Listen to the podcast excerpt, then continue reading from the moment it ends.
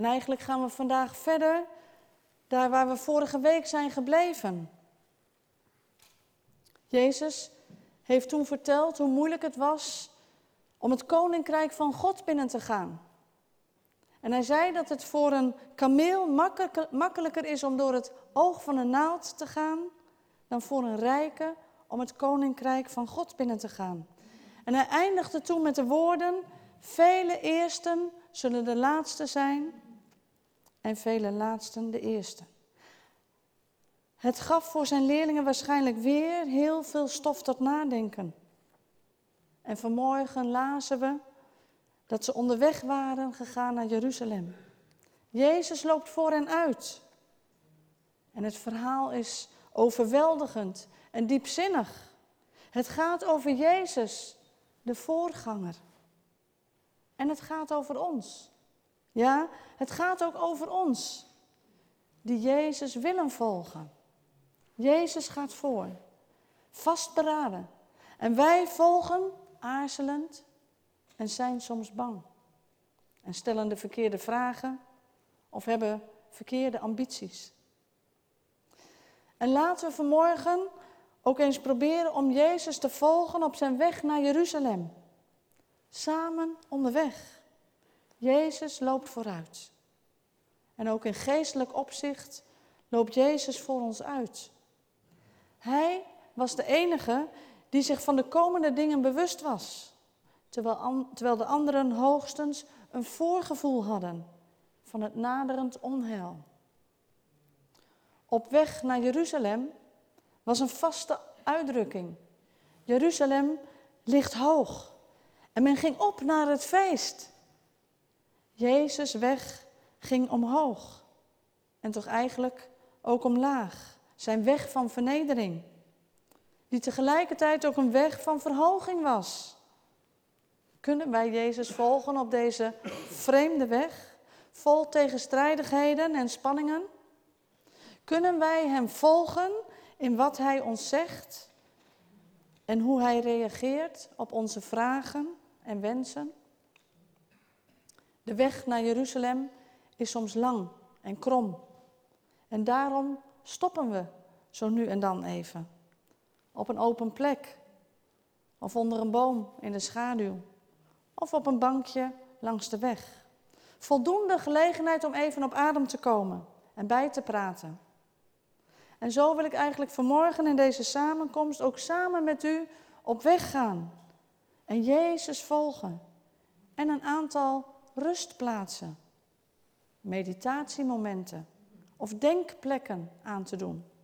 Om meer en beter toegerust weer verder te gaan voor deze week. En het eerste dat opvalt is de voortvarendheid en de doelgerichtheid van Jezus. Hij gaat voor en hij weet precies waar hij heen wil. En er is geen sprake van onzekerheid of enige aarzeling. En vastberaden vertelt Jezus dat ze op weg gaan naar Jeruzalem, waar de mensenzoon zal worden uitgeleverd. En dat hij ter dood veroordeeld zal worden en uitgeleverd zal worden aan de heidenen. Hij zal worden bespot, bespuwd, gegezeld en uiteindelijk worden gedood. Maar na drie dagen zal hij opstaan. Zouden wij niet net als die leerlingen ongerust zijn en bang Zouden wij onszelf ook niet afvragen, waarom gaat hij nou die kant op? Is dat wel verstandig? En is dat nodig? Het is de derde aankondiging van het lijden die Jezus hier geeft. En deze aankondiging onderscheidt zich van de eerste twee, omdat ze iets meer bijzonderheden geeft, met als climax dat bespotten, bespuwen, gezelen en doden. En er wordt nu één punt aan toegevoegd. Dat die, verheerling, dat die verheerlijking zal brengen. Na drie dagen zou hij weer opstaan. En ik denk dat het goed is dat we hier even stil gaan staan bij wat Jezus zegt. Als het ware in de schaduw onder die boom. En het lijkt op een verhaal uit een Griekse tragedie. Je weet precies wat er gaat komen. De held gaat zijn ondergang tegemoet. En geen mens die het kwaad kan keren. Maar anders dan in een Griekse tragedie kan God het kwade wel keren. Ten goede. Na drie dagen zal hij opstaan uit de dood. Jezus heeft tot driemaal verteld van de weg die hij gaat en van het onheil dat de mensen hem zullen aandoen. En ook heeft hij tot driemaal getuigd van zijn geloof, dat deze weg niet doodloopt. En van het heil dat God hem zal bereiden. Jezus had wel degelijk een besef van zijn roeping, dat hij gezonden is. En hij wist dat zijn optreden en zijn manier van zeggen en doen vijandschap opriep. En dat het hem zijn leven zou gaan kosten. Maar hij is daar niet voor weggelopen. Hij heeft tot het einde toe aan zijn roeping en bestemming vastgehouden. En daarom kan gezegd worden dat hij ons heeft liefgehad tot het uiterste. Zelfs al kostte dat hem zijn leven. Dat heeft hij gegeven voor ons en aan ons. En je zou zelfs kunnen zeggen, wij leven door en dankzij Hem. Zo stonden we even stil op die eerste plek, bij die speculatieve boom, om nog eens bewust te zijn van het lijden en sterven van Jezus. Jan heeft erover gesproken, het bankje onder het kruis. En daar eens even heel goed te laten doordringen en onder de indruk te zijn.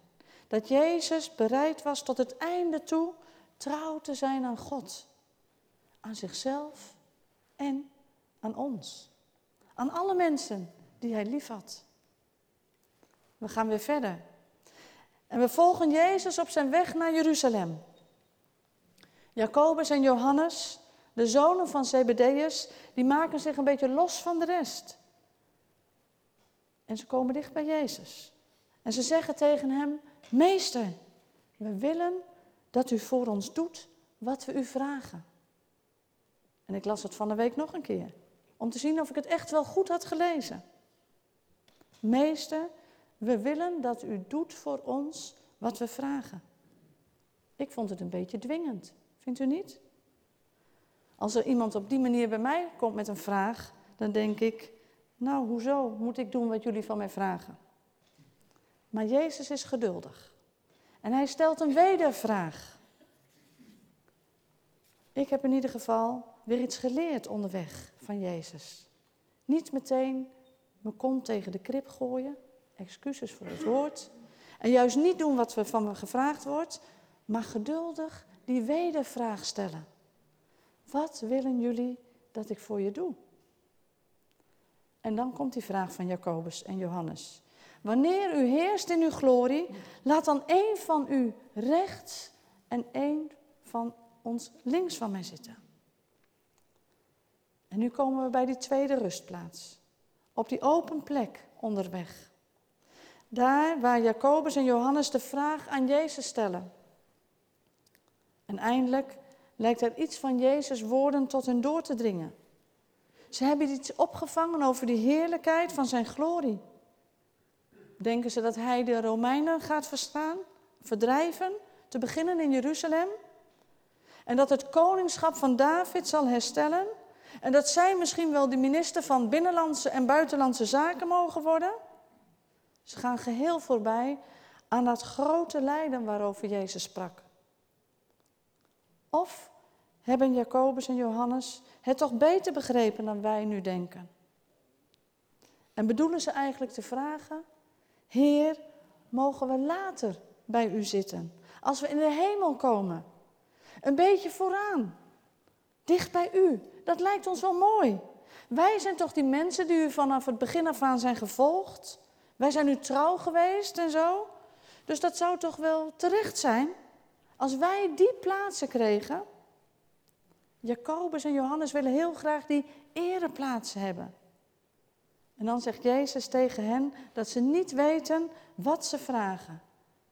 En hij vervolgt met de vraag: Kunnen jullie de beker drinken die ik moet drinken? Of de doop ondergaan die ik moet ondergaan? En de broers antwoorden volmondig: Ja, dat kunnen wij. Ze deinzen nergens voor terug. En het is waarschijnlijk een beetje met een jeugdige overmoed waarmee ze dat zeggen. Maar weten ze echt wel waar Jezus het over heeft? Beker drinken wordt in de Bijbel meer dan eens gebruikt als beeld van iemands lot. En de doop is hier een aanduiding van wat men moet ondergaan. Jezus weet wat hem te wachten staat. Maar Jacobus en Johannes zijn ziende blind. Jezus heeft ook gezegd, en dat kunnen we lezen in hoofdstuk 8, vers 34. Wie mijn volgeling wil zijn, moet zichzelf verloochenen, zijn kruis op zich nemen en zo achter mij aankomen. Die ereplaatsen willen ze wel, maar aan het lijden en het kruis op zich nemen gaan ze gemakshalve even voorbij. En uiteindelijk is het God zelf die zal bepalen wie er een plek krijgt aan de zijde van Jezus. En terwijl we weer verder onderweg gaan, zien we dat de andere leerlingen horen van die vraag van Jacobus en Johannes. Wat denken ze wel niet? Woedend zijn ze. Als er onder die volgelingen van Jezus de een zich boven de ander gaat verheffen, waar blijven wij dan? Het zou zomaar een verontwaardigde reactie van een van ons kunnen zijn. Dat juist Jacobus en Johannes hun onbeschaamd verlangen durven uit te spreken, kan samenhangen met het verhaal van de verheerlijking op de berg, waarbij beiden samen met Petrus aanwezig waren. En dan roept Jezus al zijn leerlingen weer bij elkaar. Laten we er maar even bij gaan zitten. Op dat bankje onderweg. En luisteren wat Jezus ook ons vandaag te zeggen heeft. Het is misschien wel een goede plek om bij onszelf te raden te gaan. We zijn en blijven geen toeschouwers en meelopers, neem ik aan. Maar wij zijn het zelf die nu ook die levensgrote vraag toegespeeld krijgen. Kunnen jullie mij volgen en de beker drinken die ik drink? Op een gegeven moment komt die beker ook bij ons langs. De beker van verdriet en van gemis. De beker van wanhoop en verslagenheid. De beker van ongeloof en van onze hebzucht.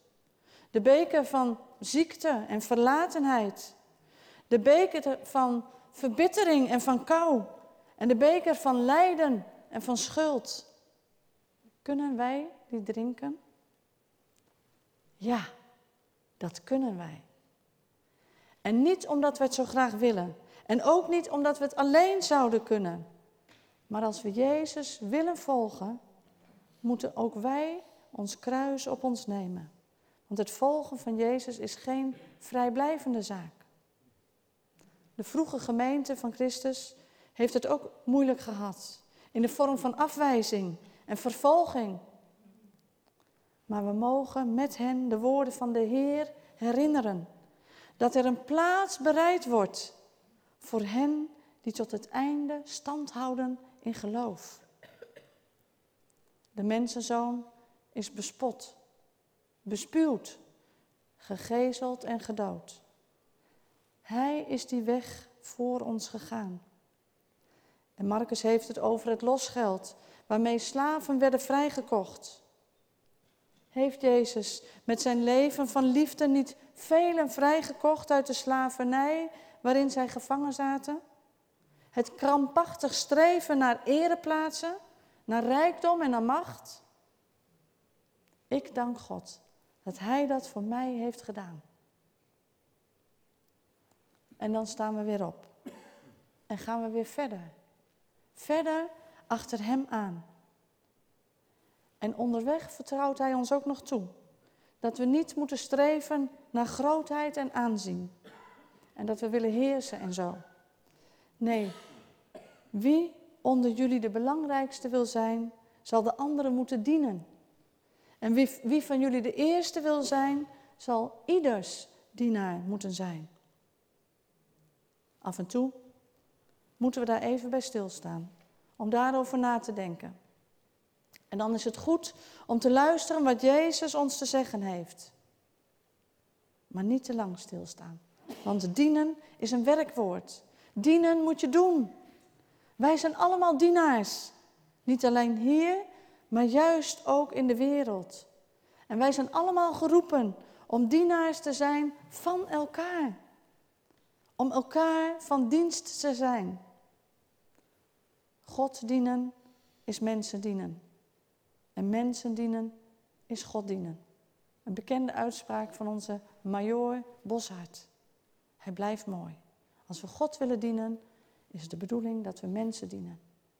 En als we die mensen dienen, dan dienen we daarmee God. En de vraag is of we dat kunnen. Als we onderweg gaan op onze levensreis, en dat zijn we elke dag weer, mogen we dankbaar zijn voor de ontmoetingen die we hebben. En van de week heb ik een paar prachtige ontmoetingen gehad. Kijk elkaar maar eens recht in de ogen. En zeg maar eens, hier ben ik. Ik ben er voor jou. Ik wil jou dienen. Wat kan ik voor je doen? We moeten het wel willen zien, want anders zijn wij net als die leerlingen, ook ziende blind. En ik wens u van allen van harte toe dat we als we onderweg zijn, dat we mogen weten dat u nooit alleen bent. Er is iemand die met u meeloopt. En we mogen Jezus volgen. Net als op die foto. Die onbekende weg. Soms verdwijnend in de mist, dat we niet weten waar die is. Waar die weg eindigt. Jezus neemt ons aan de hand en hij neemt ons mee. We zijn nooit alleen. Amen.